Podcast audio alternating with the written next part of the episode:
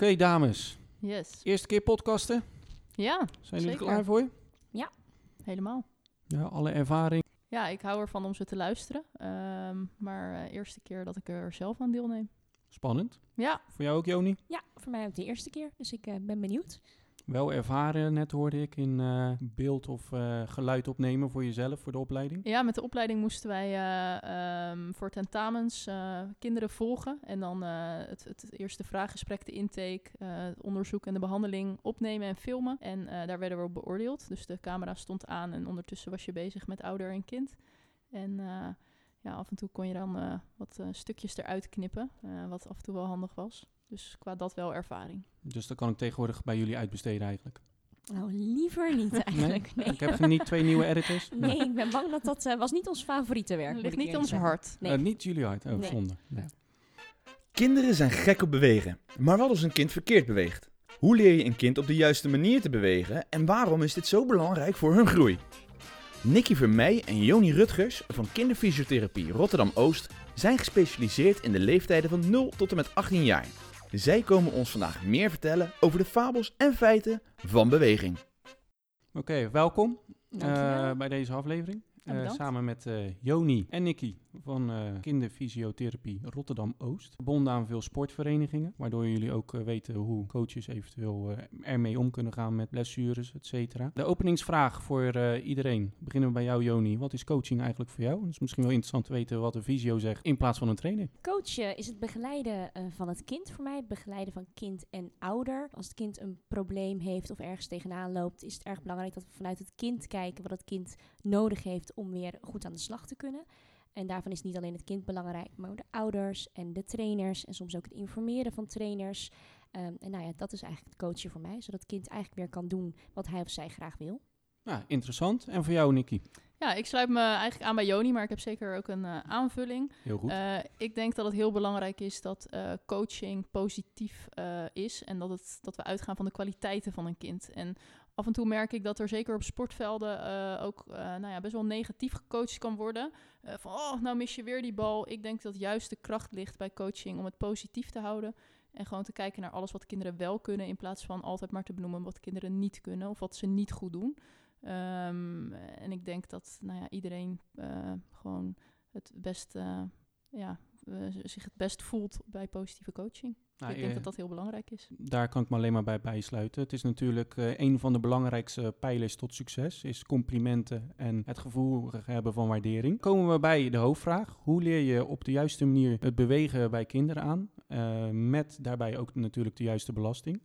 Ja. Dan hebben we daar dat in drie categorieën opgedeeld. 5 tot 10 jaar, 10 tot 16 jaar en 16 tot 18 jaar. Ga ik jou, bij jou beginnen, Joni. 5 tot 10 jaar, wat eh, zie je daar vooral in de beweging? Wat, wat fout gaat of wat blessures veroorzaakt? Op de jonge leeftijd, dus rond de 5 tot 10 jaar, eh, rond die leeftijd van 4 tot 5 jaar, gaat een kind vaak voor het eerst naar de basisschool. En wat je ziet is dat ze dan vaak voor het eerst vergeleken gaan worden met leeftijdsgenoten. Dus voor ouders en voor leerkrachten gaat het dan opvallen, maar soms ook voor trainers, dat een kind misschien anders beweegt of minder goed mee kan komen. En zelfs dan kan het zelfs de motivatie van een kind al beïnvloeden van, ja, ik zie toch echt dat hij of zij toch een stuk sneller is dan ik ben en waarom kan ik niet zo hard rennen en ik wil ook meedoen. En nou ja, dat kan soms heel erg eh, zelf zorgen dat kinderen stoppen met sporten. En eh, ja, dat is denk ik wel heel erg treurig. Ja, dat is ja, zeker niet wat je wil als sportvereniging, want je wil graag je leningen, eh, leden houden. Zeker. En Nicky, kan een trainer daar nou bijvoorbeeld doen als je een vijfjarige, nou sommigen beginnen net iets later met sporten. Ja. Eh, het zijn vaak vaders die gevraagd zijn of net in het beginstadium van hun trainingscarrière zitten of voor het eerst coachen. Wat Ja. zijn adviezen? Ehm, ik denk dat het eh, goed is om nou ja, sowieso met het gezond verstand naar kinderen te kijken. Ehm, mensen die op het trainingsveld staan, hebben ja, waarschijnlijk gewoon wel wat ervaring met het omgaan met kinderen. Eh, en dingen waar ze goed op kunnen letten. eh, beweegt een kind zoals de andere kinderen? Daar maak je ergens wel die vergelijking. Maar bedenk ook bij jezelf, hoe komt het nou dat het kind misschien niet beweegt zoals eh, de anderen? En is daar misschien hulp bij nodig? Want soms kan het zo zijn dat in dit geval een kinderfysiotherapeut daarvoor ingeschakeld wordt om eens mee te kijken. En kan het echt wel zo zijn dat met hele simpele aanpassingen of, of eh, aanwijzingen een kind toch beter kan functioneren. En ook op het moment dat er misschien, ik noem maar een voorbeeld wat je natuurlijk best wel veel ziet, kinderen op jonge leeftijd al overgewicht hebben, besteed daar aandacht aan. En ik denk dat er in Nederland he- heel veel verschillende disciplines heel mooi ehm, hulp geboden kan worden. En durf dat aan te gaan met elkaar. Ja, en blijf kritisch kijken naar een kind. En ook als kinderen klagen over dingen als pijn bijvoorbeeld, neem dat serieus en doe daar iets mee. Daarnaast denk ik ook dat variatie in bewegen heel belangrijk is. Kinderen die jong zijn, worden soms gewoon op één sport gedaan, bijvoorbeeld op voetbal. En dat is goed en dat is leuk. Maar daarin is de variatie ook heel belangrijk. Dus zeker bij jonge kinderen is het goed om in die training variatie aan te bieden. En hoe ziet die variatie er dan uit? Het kan bijvoorbeeld spelletjes als tikkertje. Voetbal is natuurlijk heel erg gericht op schoppen tegen een bal. Maar doe ook gooispelletjes met een bal. Doe wat losse oefeningetjes tussendoor gericht op conditie en kracht. Ja, gewoon in die zin. En laat kinderen samenwerken met elkaar. Ja, op die manier de variatie aanbieden. En hoe ziet dat er bijvoorbeeld uit bij sporten zoals uh, hockey, zwemmen of uh, andere sporten? Nou ja, ook daarin is de variatie uh, belangrijk. En kan het ook echt wel leuk en functioneel zijn om als een hockeyer bijvoorbeeld niet per se met die hockeystick, maar ook juist met een voetbal of met waterballonnen. ja, de omgeving kan daarin ook belangrijk zijn, de, door variatie in materiaal aan te bieden bijvoorbeeld. Ja verschillende ballen, verschillende materialen waarmee je kan slaan. Uh, dat zijn eigenlijk mooie variaties. Maar ook zelf kinderen soms de regie geven is heel erg leuk. Uh, vraag maar eens wat ze leuk vinden om te doen. Uh, tijdens de gymles op school krijgen ze andere dingen aangeboden. En juist daarin is het erg leuk om te kijken waar ligt de interesse van kinderen. Want als je de motivatie hebt, dan ben je denk ik als trainer al echt een heel groot end.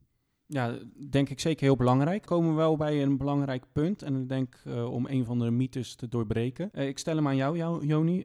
Heel veel trainers maken altijd de opmerking, in welke sport dan ook, nou ja, noem korfbal, bal, ik, ik, zie nog wel eens veel, of zelfs bij zwemmen. Ah joh, vooral bij die kleintjes tot een jaar of acht, negen. Joh, die, ze rennen wel, ze vliegen wel, ze doen het wel. Kunnen voor mijn part op zaterdag zes wedstrijden spelen. Ze zijn bijna onbeperkt belastbaar. Wat is daar nou waar van? Ja, dat is uh, niet waar. Kinderen zijn niet onbeperkt belastbaar. Uh, kinderen zijn geen jong volwassenen en moeten ook op deze manier niet beschouwd worden. Kinderen hebben nog groeischijven in hun botten zitten en die groeischijven kunnen wel degelijk overbelast raken. En dat kan zorgen voor ja, standsverandering in de botten en dus echt uiteindelijk voor grotere problemen. Als je namelijk naar echte professionele voetballers kijkt, kan je wel eens de O-benen zien. En dat is echt gewoon een aanpassing in het feit van dat er zoveel kracht op de binnenste bovenbeenspier is gezet. Die is zo hard getraind dat daar een standsvervorming is gekomen eigenlijk in het gewricht, waardoor het onderbeen meer naar binnen is komen te staan. Ja, en dat zien we dan ook in andere sporten terugkomen? Uh, nou, met voetbal is wel echt een, uh, omdat kinderen vaak als voetballen wel echt vanaf hele jonge leeftijd vaak beginnen en dat ook echt heel lang volhouden, zie je dat is bij voetbal zeker. Uh, maar bij andere sporten ja, weet ik even niet zo snel een voorbeeld te noemen. Oh. Ik heb uh, een voorbeeld bij wielrennen bijvoorbeeld. Uh, ja. Dan zie je van die kinderen die heel erg voorover op dat stuur zitten. En die gaan echt een soort, nou ja, het klinkt een beetje lullig en het klinkt een beetje lelijk, maar echt een bochel creëren op hun rug. Omdat die rug zo ontzettend gebogen is. Daarbij is het echt belangrijk dat kinderen ook de juiste strekspieren van de rug goed gaan trainen. En dat is iets wat ik uh, nou ja, de laatste jaren bij een aantal kinderen die veelvuldig wielrennen doen, zie ik echt die vergroeiing in die rug ontstaan. En uh, dat, dat hoeft niet erg te zijn dat ze die uren maken, maar zet daar wel tegenover dat ook de strekspieren van die rug gewoon goed getraind worden. Zeker in de groei is dat echt heel erg belangrijk. Omdat alles nog moet groeien. De botten worden allemaal langer. Aan de spieren wordt langzaamaan getrokken uh, om die groei te kunnen bereiken. En het is wel belangrijk dat je die ruimte ook houdt. En dat je dat dus niet verkort. Um, zodat die groei juist in het geding kan komen. Oké, interessant antwoord. En als we nu gaan kijken, want we willen graag als trainer richting hebben van wat is dan de belastbaarheid van een kind. Wat is uh, volgens jou, Joni, dan ongeveer een goede belastbare periode voor een kind per week?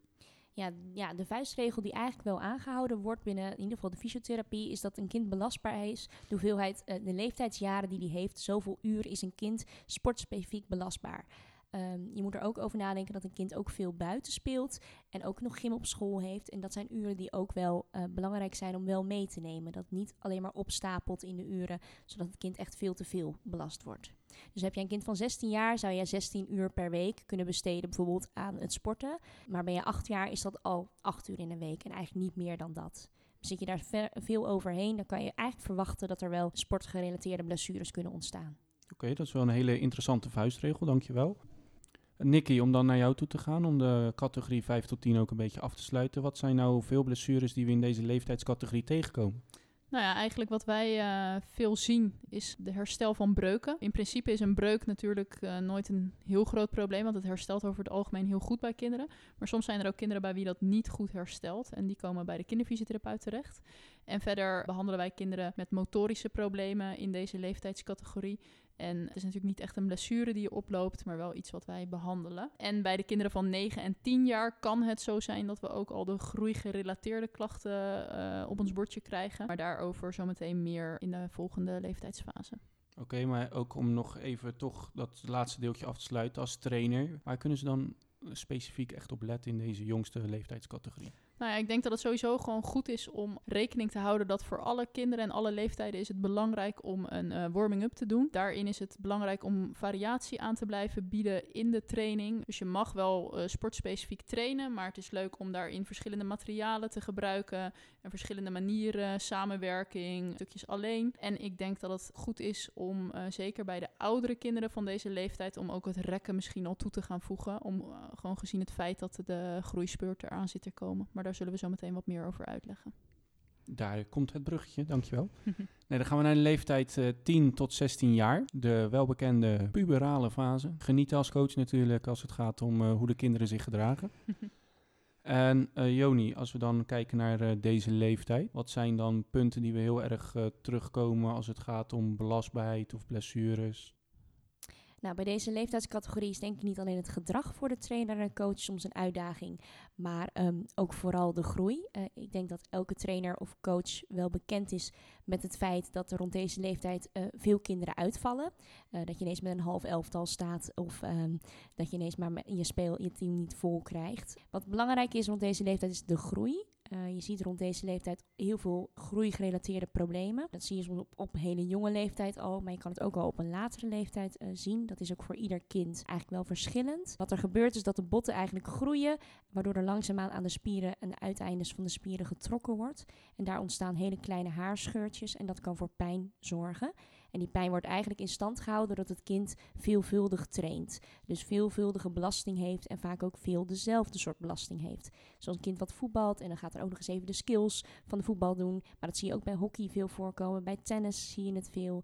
Uh, bij sporten waarbij veel op de grond getraind wordt. Waarbij je dus hard met je benen op de grond neerkomt. Moet rennen, moet springen. Atletiek is ook wel een sport waar het veel bij voorkomt. Daar zien we veel klachten aan de hielen. Veel klachten aan de knieën. En met name in de fases dat het kind uh, rust krijgt. En daarna weer gaat sporten. Dus je ziet bijvoorbeeld na een zomervakantie zie je veel kinderen uitvallen. Die spelen de eerste wedstrijd weer. En daarna hebben ze gelijk klachten en kunnen ze eigenlijk niet meer spelen. Nou ja, dat soort klachten zien we dus uh, veel rond deze leeftijdscategorie. Oké, helder. We hebben de tip van Joni gevolgd. We zijn 10, 12 jaar, dus we houden ons aan die 10, 12 uur per week. Hartstikke mooi. Maar het antwoord wat Joni net geeft, om daarop voor te beduren, hoe kan ik als trainer toch binnen mijn training daar dan rekening mee houden? Ik hou me aan de belastbaarheid, maar toch zien we die blessures terugkomen door groei, doordat de spanning staat op de pezen en spieren. Ja, ik uh, denk dat het belangrijk is dat voorafgaand aan een training altijd een goede warming-up gegeven wordt. Zodat de spieren gaan wennen aan de intensiteit die komen gaat. Sla dat vooral nooit over. En ik denk ook dat het in deze leeftijdscategorie belangrijk is dat het rekken toegevoegd gaat worden aan de training. Uh, na de warming-up even rekken, maar zeker ook aan het eind van een training even met z'n allen de beenspieren rekken. Ja, daarop inhakend ja. heb ik eigenlijk als trainer ook de vraag. Want we hebben een prachtige discussie. De ene visio heeft daar een ander beeld over. Als we het over rekken hebben, dan hebben we twee vormen van rekken. Bekend als dynamisch of statisch rekken. Ja. Nou, dynamisch rekken is dat je in de beweging steeds verend blijft rekken. En statisch rekken is eigenlijk echt, je zet de spanning op en je houdt dezelfde houding aan. Ja. Wanneer doe je wat? In deze leeftijd? Ons advies zou zijn om statisch te rekken. Duur daarin is heel belangrijk, want wat er eigenlijk uh, tijdens het rekken van een spier gebeurt, je moet een spier zien als uh, spier en die bestaat uit allemaal spiervezels. En op het moment dat je de spier uh, gaat rekken, dan trek je eigenlijk als het ware die spiervezels uit elkaar. Dat heeft even tijd nodig en vandaar dat de duur best wel belangrijk is. 30 seconden langzaam tellend aanhouden is daarbij goed. En op die manier breng je echt de lengte op een spier. En je kan het eh, simpel vergelijken met bijvoorbeeld een elastiekje. Als je een elastiek hebt, uh, die is van elastiek gemaakt, die heeft een bepaalde spanning. En op het moment dat je die vaker uit elkaar gaat rekken, gaat het elastiek slap worden. En wordt het elastiekje daadwerkelijk ook langer. En dat is eigenlijk het vergelijkbaar met wat er in de spier gebeurt. En op het moment dat je aan het sporten bent, dan verkorten je spieren. En door daar tegenover te zetten dat je hem rekt, zorg je dat hij goed op lengte blijft, uh, waardoor die trekkracht op die botpunten minder wordt en waardoor klachten dus voorkomen kunnen worden. Oké, okay, dat was even onze zijstap. Want mijn eerste vraag was natuurlijk: hoe kan ik binnen mijn training, wat we eigenlijk ervoor zorgen, dus die sportspecifieke uren, als ik me houd aan de belastingregel. Ja. Binnen mijn training, hoe kan ik daar nou rekening mee houden binnen deze leeftijd van 10 tot 16? Dat is dus belangrijk dat de warming-up gegeven wordt en dat na de warming-up spier gerekt wordt, maar ook na het trainen uh, de spier opnieuw gerekt gaat worden. En informen, wat is daar bijvoorbeeld in vormen? Nou, heel veel hoort er partijspelletjes gedaan in wat voor sport ik ook vaak kan verzinnen. Mhm. Er is vaak een wedstrijdelement. Ja. Partijvormen, uh, nou ja, vooral de loopsporten waar Joni het net over heeft. Nou ja, atletiek, een wedstrijdje, hockey, basketbal, uh, voetbal heb je gewoon de partijtjes. Ja. Waarbij je toch wel weer steeds uh, die belasting hebt. Hoe kan ik daar dan slim mee omgaan als trainer? Ik denk dat het daarbij belangrijk is dat je echt ingaat op de kwaliteit van bewegen en ook de coördinatie nou ja, goed traint. Dus niet zozeer de intensiteit continu maar verhogen, maar vooral heel erg op kwaliteit ingaan. En dat is natuurlijk per trainer verschillend en per sport ook heel verschillend. Ik denk dat daar nou ja, de trainers zelf genoeg verstand van zaken hebben hoe je dat kan doen. Maar hou dus rekening mee dat het niet altijd de, de intensiteit hoeft te zijn die verhoogd moet worden. Daarin kan bijvoorbeeld uh, nou ja, de variatie die we al meerdere malen genoemd hebben belangrijk zijn. Oké, okay, nou ja, en als je als trainer die kennis niet hebt, is het heel handig om een TC te raadplegen. Ja. Uh, die je daarbij kan begeleiden, omdat er in, in, principe een technisch coördinator is aangesteld ter ontwikkeling ja. van de trainer. Inderdaad. En wat misschien ook leuk is, wij zijn als kinderfysiotherapeuten ook heel erg bereid en vinden het heel erg leuk om met sportverenigingen samen te werken.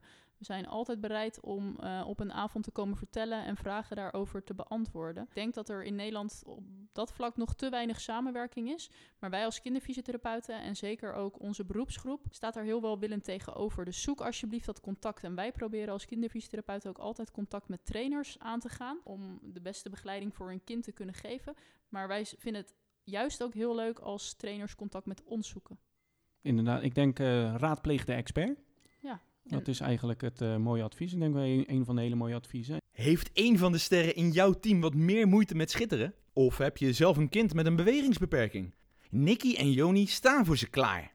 Kijk op kinderfysiotherapie.rotterdamoost.nl of volg de link via onze website of Instagram. Nu weer verder met de Coach Knowledge Podcast. Ook een vraag die bij mij vooral leeft als trainer, ik denk bij heel veel trainers, is wanneer kan ik nou echt met die loopscholing gaan beginnen? Ik zie trainers bij de onder 12, onder 13 dat doen. En vaak ook soms wel eens met een hele hoge intensiteit, die soms wel een hogere intensiteit als bij een onder 19 voor binnen 10 en 16 jaar. Wanneer kan ik de mate van loopscholing of in ieder geval bewegingsleer buiten de sportspecifieke training, dus je gewoon je reguliere training, wanneer kan ik dat gaan doen en hoeveel aandacht moet ik daar eigenlijk aan besteden als trainer? Ja, ik denk dat het stukje belasting, belastbaarheid heel belangrijk is in dit verhaal. Uh, belasting, wat doe je? En belastbaarheid, wat kan je aan als kind? Zeker in de groeiperiode is het heel belangrijk om die belasting en die belastbaarheid heel goed in de gaten te houden. En zeker door looptrainingen en loopdingen toe te gaan voegen, voeg je juist die belasting erg toe. En die belastbaarheid neemt vaak af door die, door die grote groeiperiode. Ik denk dat je dan als trainer heel goed moet afvragen, is het nu nuttiger om veel looptraining toe te voegen of is het zinvoller om meer op de techniek toe te spitsen. Omdat je daar vaak wel weer meer uit kan halen op dat moment. Zeker is looptraining uh, nuttig, want daar kan je natuurlijk heel veel mee bereiken, conditie mee bereiken. En hoe jonger het kind vaak is, hoe beter het is in snelle en maximale inspanning. Kinderen zijn ontzettend goed in bijvoorbeeld een 20 seconden sprint. En die hebben maar heel kort nodig om daarna weer bij te komen om weer die 20 seconden sprint te kunnen geven. Eigenlijk veel beter dan de wat oudere kinderen. Als je kijkt naar de intervalsport, dus kijk naar hockey, kijk naar korfbal, de korte sprintjes zijn belangrijk. Dan is het zeker nuttig en die kan je eigenlijk vanaf een jonge leeftijd al wel trainen. Als je alleen zorgt dat je de rustperiodes er wel tussen houdt uh, en niet alleen maar toespitst op het, de looptraining. Oké, helder. Nou ja, we hebben net al benoemd bij de jongere leeftijd, hadden we net van 5 tot 10, dat jullie ook motorische uh, zaken zien. Als we loopscholing hebben, uh, wordt heel vaak toegepast om juist aan die motoriek te werken. En daarom de vraag, nou, ik denk dat het antwoord net heel duidelijk is, maar toch nog meer de vraag, hoe, hoe belangrijk is het eigenlijk, stel ik hem anders, om aan die motoriek te werken buiten je sportspecifieke trainingen? Ja, loopt er, nou ja, motoriek is ontzettend belangrijk. Ik denk dat je motoriek de basis is uh, van je sport. De basis is van je mogelijkheden die je hebt als kind. Daarom stimuleren wij het buitenspelen ook ontzettend bij jonge kinderen. Want hoe meer jij buitenspeelt, hoe beter jij je motorisch ook ontwikkelt. En hoe beter je vaak ook bent in je latere sport die je gaat doen. Um, dus ik denk zeker dat het ja, op de techniektraining en dan vooral veel op coördinatietraining, op uh, stabiliteitstraining, dat je daar ontzettend veel uit kan halen. Krachttraining bij kinderen kan soms ook al, als je de herhalingen maar in de gaten houdt. Daar zijn ontzettend veel mogelijkheden in, denk ik. Het is eigenlijk wel een interessant ding wat Joni zegt, Niki, uh, om naar jou toe te gaan. Ik hoor nu de term krachttraining voor het eerst. We zitten nu in de leeftijdscategorie 10 tot 16 jaar. Vaak bij jongens krijg je dan de discussie uh, wanneer wordt het testosteron aangemaakt, wanneer kunnen ze echt tot krachttraining komen en wanneer wordt het bij meisjes nuttig. Dus dat is eigenlijk wel een, uh, een eeuwenoude discussie binnen de trainersgilde. Mhm. Dus uh, verlos ons van het antwoord. Ja. Wanneer kunnen we nou krachttraining gaan toepassen? En wanneer heeft dat nou echt zin om van matig krachttraining echt naar, ja, echt naar serieuze krachttraining te gaan? Ja, de, krachttraining is natuurlijk een breed begrip. Ik denk dat krachttraining, wat Joni net ook al zegt, echt wel toegepast kan worden. Maar dat je heel goed rekening houdt met veel verschillende factoren. Mijn voorkeur zal altijd hebben om gewoon met het eigen lichaamsgewicht te trainen en daarin op herhaling in te gaan. En nou ja, op volwassen leeftijd, dan ga je natuurlijk bijvoorbeeld trainen met gewichten. En wil je, willen sommige mensen echt spiermassa kweken. Uh, waarbij je een hoog aantal kilo's in gewicht doet en een laag aantal herhalingen. Dat zou ik bij kinderen absoluut niet doen. Nee, dus eigenlijk als je de leeftijd 15, 16 hebt, waar heel veel trainers denken, nou, 15, 16, zien ze vaak als het moment precies. Ik en nu mag je de sportschool in, lekker bank drukken, uh, ga ervoor. Ja, ik zou dat nog niet doen, want juist jongens kunnen aan het eind van die puberteit, dus rond 16, 17-jarige leeftijd, nog een tweede groeispurt doormaken. En is het gewoon nog heel kwetsbaar, het lichaam. Dus ik zou dat bij die leeftijd zeker nog niet doen en vooral echt met het eigen lichaamsgewicht trainen. Ja, oké, want door het eigen lichaamsgewicht beperk je... De kans op blessures. Nou, dat is toch het magische antwoord wat je als trainer wil. Want hou je al je spelletjes mooi fit bij elkaar. En zoveel mogelijk functioneel houden zou ik nog graag toe willen voegen. Ik denk dat ook heel erg belangrijk is. Het, uh, het, het, je kan in de sportschool trainen, maar daar word je vaak als uh, sporter zelf binnen een andere sport niet heel erg veel beter van. Je, je spiermassa, dat heeft op jonge leeftijd toch echt wel wat uh, tijd nodig voordat je dat opbouwt. dat is zit ook een grens aan op een bepaalde leeftijd. Ehm, ik denk dat het belangrijk is dat je vooral veel functioneel traint. Dus veel herhalingen binnen de sport die je zelf doet. Ja, dus uiteindelijk de uh, grote oefeningen die we zien in de core stability, zoals het zo mooi heet, dat zijn dan de atletische vormen om binnen welke sport dan ook je fysiek te ontwikkelen. Ja, en die te combineren bijvoorbeeld met, uh, als je het over voetbal hebt, je core stability trainen en daarna een oefening met sprinten er toe te voegen. Dus op die manier juist het wel in de spelvorm uh, te maken. En dat denk ik dat iedere trainer dat voor iedere sport eigenlijk kan, kan toevoegen. Ja, ik denk dat er heel veel verenigingen zijn ja, in mooie estafette-vormetjes. Uh, je hebt de, de Prullenbak Challenge, die in heel veel sporten met een bal toe te passen zijn. Dus ik denk dat daar heel veel leuke vormen zijn voor trainers om daar iets mee te doen. Ja, vooral leuk houden. Ik denk dat dat ook heel belangrijk is. Ja, zeker. Nou, uiteindelijk is iedereen ooit op een sport gegaan omdat hij het leuk vond en uh, vanuit plezier. Zoals uh, Michael Groeneweg in je, de vorige aflevering zei, uiteindelijk meld je je aan. Je hoeft er niet te zijn. Je komt er omdat je het leuk vindt. En dat is vooral het belangrijkste om de 10 tot 16 jaar dan ook langzaam te gaan afsluiten. Wat zijn dan echt de veel voorkomende blessures? Want je ziet vaak bij de onder 15 leeftijd, uh, die heb ik al meerdere malen gehad, dat ik echt altijd wel drie of vier per seizoen standaard één of twee maanden kwijtraak. Kan ik als trainer dat voorkomen? Ik denk dat het uh, voorkomen kan worden, zeker bij die groeigerelateerde klachten, door op tijd aan de bel te trekken en echt te luisteren naar het kind. Op het moment dat het kind klachten aangeeft, neem dat echt serieus en denk niet van, oh, uh, hij moet doorgaan, want uh, we kunnen hem niet missen. Het wordt pas vervelend als hij er dadelijk inderdaad twee maanden uit ligt. Dan mis je hem helemaal, terwijl je juist vooraf echt kan voorkomen dat die uitval zo groot gaat worden. Vaak met een aantal tips en adviezen kan dat echt de goede kant op gaan. Da daar ben ik wel bewust van als trainer, maar waar ik bijvoorbeeld heel vaak tegenaan loop, dat ik denk heel veel trainers. Zo'n ventje van 15, die ziet dus de toekomst misschien wel in die sport. Dus waarom zou ik mijn trainer, nou ja, dat pijntje lukt wel. En dan vaak als het eigenlijk als het al niet meer gaat, gaan ze het melden. Ik doe zoveel mogelijk om een open cultuur te creëren, dat de jongens het zo vroeg mogelijk vertellen. En inderdaad het verhaal melden hoe eerder, hoe beter. Anders ben ik je straks zes weken kwijt. Ja. ja. Maar hoe, hoe zorg je daarvoor? Of meer dan dat kan je eigenlijk niet doen? Of hoe zie jij dat, Joni? Nou ja, wat, wat wij veel zien en wat wij veel uitleggen aan, aan jongeren, zeker rond deze leeftijd, is joh, hoe langer jij ermee door blijft lopen, het gaat niet over vanzelf. Um, dus je moet iets doen, wil je dat dit overgaat. Het is in eerste instantie toch echt wel vaak rust nemen. Maar hoe langer jij ermee door blijft lopen, hoe langer die rustperiode zal zijn. Bewezen is hoe langer jij al last hebt, hoe langer jouw klachten hebt, hoe langer het ook vaker weer duurt voordat jij weer volledig je sport kan beoefenen. En ja, dat, als je dat mensen zelf, of met name jongeren in eigen hand legt, van ja, hoe graag wil jij weer je sport kunnen doen? En ja, wil jij pas over een, wil jij over een maand weer meedoen, over twee maanden of over een half jaar? Nou ja, als je dat bij hen neerlegt, dan gaan ze vaak wel achter hun oren krabben en denken: Oh, wacht even, ik wil toch eigenlijk toch wel graag snel weer mee kunnen doen. Denk meer dan duidelijk. Dus ik denk vooral voorlichting is eigenlijk eh, de tip. Ja, preventie. Ik denk dat daar op veel eh, sportclubs, uh, Nicky zei het net ook al, de voorlichting echt wel heel belangrijk Ja, is. daar is die weer raadplegende expert. Nou, ik denk zeker dat we zijn er en niet alleen wij, maar met ons nog veel anderen, ehm, ja, die wel meer weten over het bewegen, over het sporten en zeker het inlichten van trainers. waar let je op? wat is belangrijk? wanneer trek je aan de bel? En wat kun je zelf doen? Nou ja, dat zijn ter preventie maatregelen ontzettend belangrijke maatregelen die eigenlijk heel veel sportuitval uh, kunnen voorkomen voor jongeren. En uiteindelijk zorgt sportuitval er soms ook voor dat kinderen echt helemaal stoppen met de sport. En dat is denk ik helemaal iets wat we met z'n allen moeten willen voorkomen. Ja, vooral in de eindcategorie als je kijkt 15, 16. Zeker, ja, dan zie je dat veel gebeuren. Ja, we zien binnen, tenminste zie ik als trainer, binnen 10 uh, tot 16 hebben we natuurlijk een leeftijdscategorie waarbij uh, de, de kleine mannetjes opeens uh, en de kleine meisjes opeens de grote mannen en vrouwen van de nieuwe wereld worden. Dus heel veel groei. en dan hebben we het over goede warming-up net gehad, goed rekken. Waar moet ik dan binnen deze leeftijd, want een 12-jarige en een 16-jarige heeft een hele andere ja, lichaamsdynamiek. Uh, wat is dan een beetje de vuistregel die ik aan moet houden als het gaat om hoe lang een warming-up, hoe vaak rek, nou over rek hebben we het net een beetje gehad, maar de intensiteit van een warming-up? Ik denk dat je zeker echt wel een kwartier met een goede warming-up bezig moet zijn en dat daarin ook wederom de variatie weer heel belangrijk is. En dat is niet leeftijdsafhankelijk? Nee, dat uh, vind ik niet. Het is echt voor alle kinderen belangrijk. Oké, okay, dus dan, dan is die duur uiteindelijk dus gewoon een kwartier ja, het is bewezen hoe uh, beter jij ervoor zorgt dat je spieren voorbereid zijn op, op het leveren van een grotere prestatie, hoe minder risico jij loopt op uh, sportblessures. En nou ja, ik denk dat dat voor elke leeftijd toch iets is wat je graag wil voorkomen. En dat is haalbaar binnen je training. Ja, zeker. Vaak worden kwartiertjes toegepast. Heel veel ja, in de lagere niveaus zie je wel vaker terug dat het helaas half uur van tevoren aanwezig, ja. even snel omkleden.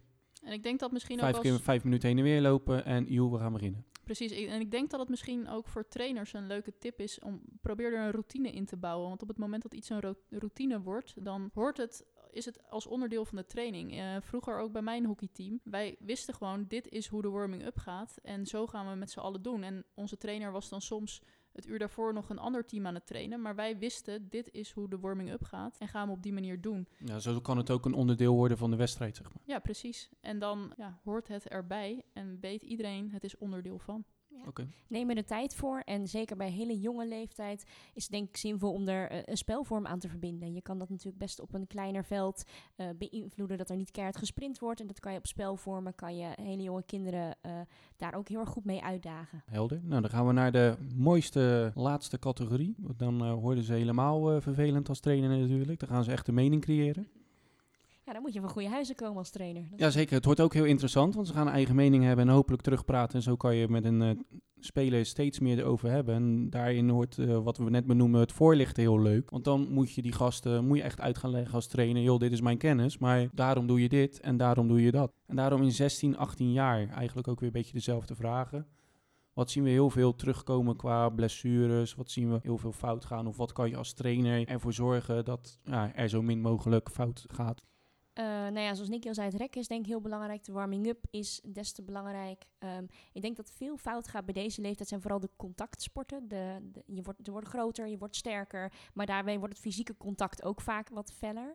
Uh, ze gaan meer tegen elkaar opbotsen. Er wordt echt wat meer, uh, nou ja, eerder een breuk bijvoorbeeld, of eerder uh, een andere contactenbandletsel, je meniscus, je kruisbanden helaas, maar ook door de enkels gaan. Je ziet veel problemen die ontstaan echt doordat mensen tegen elkaar opbotsen of andere fysiek contact krijgen. Ja.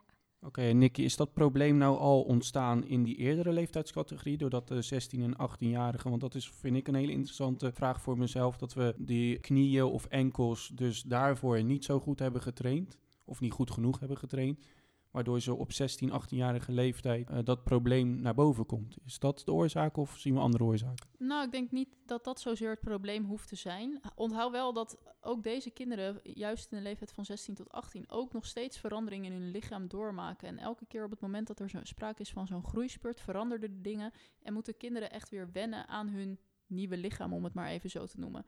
Uh, daarin kunnen dingen in coördinatie en zo misgaan. En daarin blijft dus ook weer die coördinatie en die kwaliteit van bewegen heel belangrijk. En wat wij als kinderfysiotherapeuten dan ook weer in de praktijk zien, is helaas bewegen niet alle kinderen voldoende in Nederland. Er zijn ook heel veel kinderen die als kind niet op een sport zitten. En die uh, bijvoorbeeld op school of door de omgeving op hun 16 of 17e toch een sport gaan doen, wat super goed is. Maar ze missen daarin de ervaring in het bewegen. En dat kan ook echt voor blessures zorgen. Dus mocht je in je sportteam kinderen krijgen die weinig bewegingservaring hebben, die nooit op een sport gezeten hebben, hou daar rekening mee dat ze motorisch gewoon niet zo sterk zijn als die andere kinderen. En ook dat kan klachten veroorzaken. Oké, en uh, Joni, hoort de fysieke training op 16, 8 jaar, dan gaan we al wat meer naar het volwassen lichaam. We hadden het net over krachttraining. De wedstrijdduren worden vaak langer. Je gaat steeds meer minuten moeten spelen, dus je gaat ook inhoud moeten creëren. Wat je net terecht aangeeft, de duels worden harder, dus je moet uiteindelijk ook voor zorgen dat jij de sterkste in dat duel bent. Hoe ga je daar zo goed mogelijk aandacht geven als trainer aan dat aspect? Nou, ik denk rond die leeftijd dat zeker core training erg belangrijk is voor veel verschillende sporten. Omdat dat met name de, de aansturing is van je beweging. Je, je buikspieren, je rugspieren trainen uh, zijn heel erg belangrijk in hoe harder jij kan rennen, hoe beter je kan gooien. Juist je core is echt wel een, een, een, het centrum eigenlijk van je, van je aanspanning van je spieren. Dus die trainen is denk ik heel erg nuttig. En als we dan nog even specifiek, we hebben het veel over jongens gehad, maar specifiek naar meisjes kijken, zie je ook wel heel erg dat rond die menstruatie er ook heel veel hormonale verschillen komen in het lichaam. En dat zorgt ook weer voor ontzettend veel disbalans. En dan is juist het trainen van uh, bijvoorbeeld bij meisjes waarbij de knieën veel naar binnen gaan, waarbij de zijkant van de bovenbenen niet sterk genoeg zijn, de, de billen niet sterk genoeg zijn. En dat juist die spieren dan zeker nut hebben om uh, te trainen. En zeker ook uh, krachttrainen en coördinatie te doen om dat te trainen. Om dat soort blessures rond aan de knieën dan te voorkomen. Ja. Ja, en dat dan met het advies van Nicky meer op lichaamsgewicht. Liever, ja, om te voorkomen dat er... Uh, kijk, er zitten ook nog veel verschillen. Het ene kind groeit uh, op, op hele jonge leeftijd al behoorlijk. Het andere kind is pas rond die uh, 16 jaar echt aan de beurt met groeien. Zeker bij jongens zie je dat pas wat later komen, vaak. Maar dat kan wel voor enorme verschillen zorgen. Als jouw teamgenoot namelijk al wel zo lekker sterk is en dan flink gegroeid is. En dan loop je tussen de ene lange slungels en de andere zijn weer kleine, kleine opdonnetjes. En zo zie je dat met elkaar is het daar enorm verschil in. Dus kijk ook wel echt kindspecifiek. Ik denk dat dat ook heel belangrijk is. Niet ieder kind is toe aan hetzelfde. Ik denk dat dat vooral differentiatie maken in de leeftijd 16, 18. We weten eigenlijk wel dat dat moet van 13 tot 16. Omdat daar nou ja, nog meer, soms inderdaad echt wel uh, 40 centimeter tussen een kind kan zitten of meer. Daar verbaas je je wel eens over. Ja. Uh, alleen in de categorie 16, 18 zie ik heel veel trainers die dat aspect dan een beetje uit het oog verliezen. Ze zijn wel heel erg bezig met het fysieke kant. Alleen het verschil van ja, uh, we hebben inderdaad uh, de kleine opdonder, maar misschien wel uh, nog wel eens fitter dan de, de lange slungel. Nou, vaak wel. Ja. ja, vaak is de controle nog beter over het lichaam als jij wat kleiner nog bent. En naarmate de lange slungels komen, zeg maar, dan ben je wat meer uit balans vaak aan coördinatie en stabiliteit. Dus die lopen vaak wat meer risico dan de kleine opdondertjes. Ja, ja, de, ja. zeg maar de motorieke ja, precies. balans moet opnieuw gevonden. Ja. ja, dat zie je heel erg in het verschil. Nee. Oké, okay, om het dan af te gaan sluiten, uh, alles. Dan komt natuurlijk het uh, gouden eindadvies, vraag ik altijd. Dus Joni, om bij jou te beginnen. Wat is jouw algemene advies naar trainers over het onderwerp van vandaag? Um, ik denk dat het belangrijk is dat kinderen zijn geen jong volwassenen. Uh, we zijn soms geneigd om met kinderen te trainen alsof het volwassenen zijn. Uh, luister goed naar de kinderen. Uh, hou in de gaten als ze een blessure hebben, dat je daar op tijd of tijdig wat mee moet. Vaak hoe eerder je daar wat mee doet of dat advies geeft om daar wat mee te doen, hoe eerder het kind vaak ook weer terug is in je team en hoe eerder het weer gewoon volledig mee kan doen. Nou, top. Heel goed advies, denk ik. Nou, dan gaan we naar de buurvrouw, Nikki. Ja. Is jouw gouden advies? Ik en denk... natuurlijk compleet anders als die van... Uh... Ik denk uh, dat vooral de positiviteit heel belangrijk is. Ga uit van wat een kind wel kan en benadruk niet wat een kind allemaal niet kan. Ja, denk ik een hele mooie. En denk ik het groepsadvies om die er nog even in te koppen, raadpleeg de expert. Ja, zeker. We zullen sowieso uh, een link van jullie op onze website zetten, waarbij mensen uit de regio Rotterdam jullie kunnen vragen om advies, om uh, wat dan, over wat voor onderwerp dan ook, nou vooral visio natuurlijk. Maar zoek bij jou in de buurt naar de visio. Zoals er net gezegd is, binnen de vakgroep visio zijn er genoeg mensen die elkaar willen helpen. Dus dat is ook weer het mooie van sport. Sport verbindt. Laat sport dan ook verbinden. Absoluut. En zoals uh, iedere aflevering sluiten we af met de vraag: uh, wat is het uh, jouw tegelwijsheidje? Dan vraag ik altijd aan de trainer: waar zouden spelers jullie van kunnen kennen qua uitspraak? Nou ja, aangezien we hier geen twee trainsters hebben, maar twee fysiotherapeuten, ga ik gewoon de blanco vraag stellen: Nikki, wat is jouw tegeltje? De tegelwijsheid is: voor een kind bestaan er geen problemen. Een kind is vooral geïnteresseerd in de mogelijkheden. Hele interessante, weer positief. Hij is mooi. We schrijven hem op. Nog maar, we kunnen hem zo maar terug gaan vinden op Instagram. Leuk. Zou zomaar... Spread the word. Ja, precies. Het zou heel mooi zijn. En Joni? Ja, ik eigenlijk een hele korte. En ik denk dat die eh, toch wel eh, erg belangrijk is. En voor trainers eh, niet alleen gekeken moet worden naar het, het beste kind of de ster uit het team. Maar dat juist deelname belangrijker is dan winnen. Eh, zeker in het sport met kinderen is dat denk ik het allerbelangrijkste. Dus meedoen is belangrijker dan winnen. Ja, nou ja, maar vooral deelnemen is belangrijk. Deelnemen, Het, het deelnemen. feit dat, dat kinderen blijven deelnemen. Ja, deelnemen aan sport, dat zorgt voor je ontwikkeling, zorgt voor heel veel positieve dingen op latere leeftijd ook. En eh, ja, het feit dat kinderen soms afhaken is denk ik erg zonde. Ben ik het ook volledig mee eens. Nou ja, dus jij past de eeuwenoude tegel iets aan. Ja. De Joni-flavor. Hè? Dames, wat vonden we ervan? Eerste podcast. Ja, leuk en interessant om eh, zo met elkaar aan de tafel te zitten. Nou, mooi. En Ja. jij, Joni? Zeker, ja, precies hetzelfde. Erg leuk. Ja, Nou, wil ik jullie allebei hartstikke bedanken. Jij bedankt voor de uitnodiging. ja precies. Tof dat we hier mochten zijn. Bedankt voor het luisteren naar de Coach Knowledge Podcast. Wil jij meer te weten komen over coaching? Of zit je zelf met een vraag? Laat het ons weten. Ga naar onze website of Instagram en vergeet ons niet te volgen. Tot de volgende keer bij de Coach Knowledge Podcast.